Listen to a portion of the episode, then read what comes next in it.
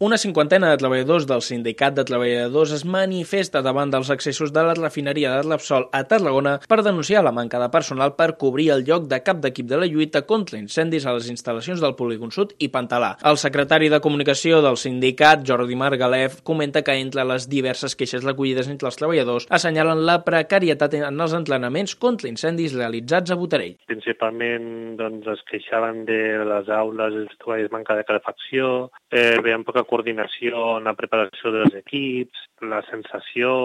no, la, el que transmitien els treballadors era com a poca serietat en, en aquestes, en aquestes pràctiques quan al final s'està no, s'està entrenant per combatre els incendis i,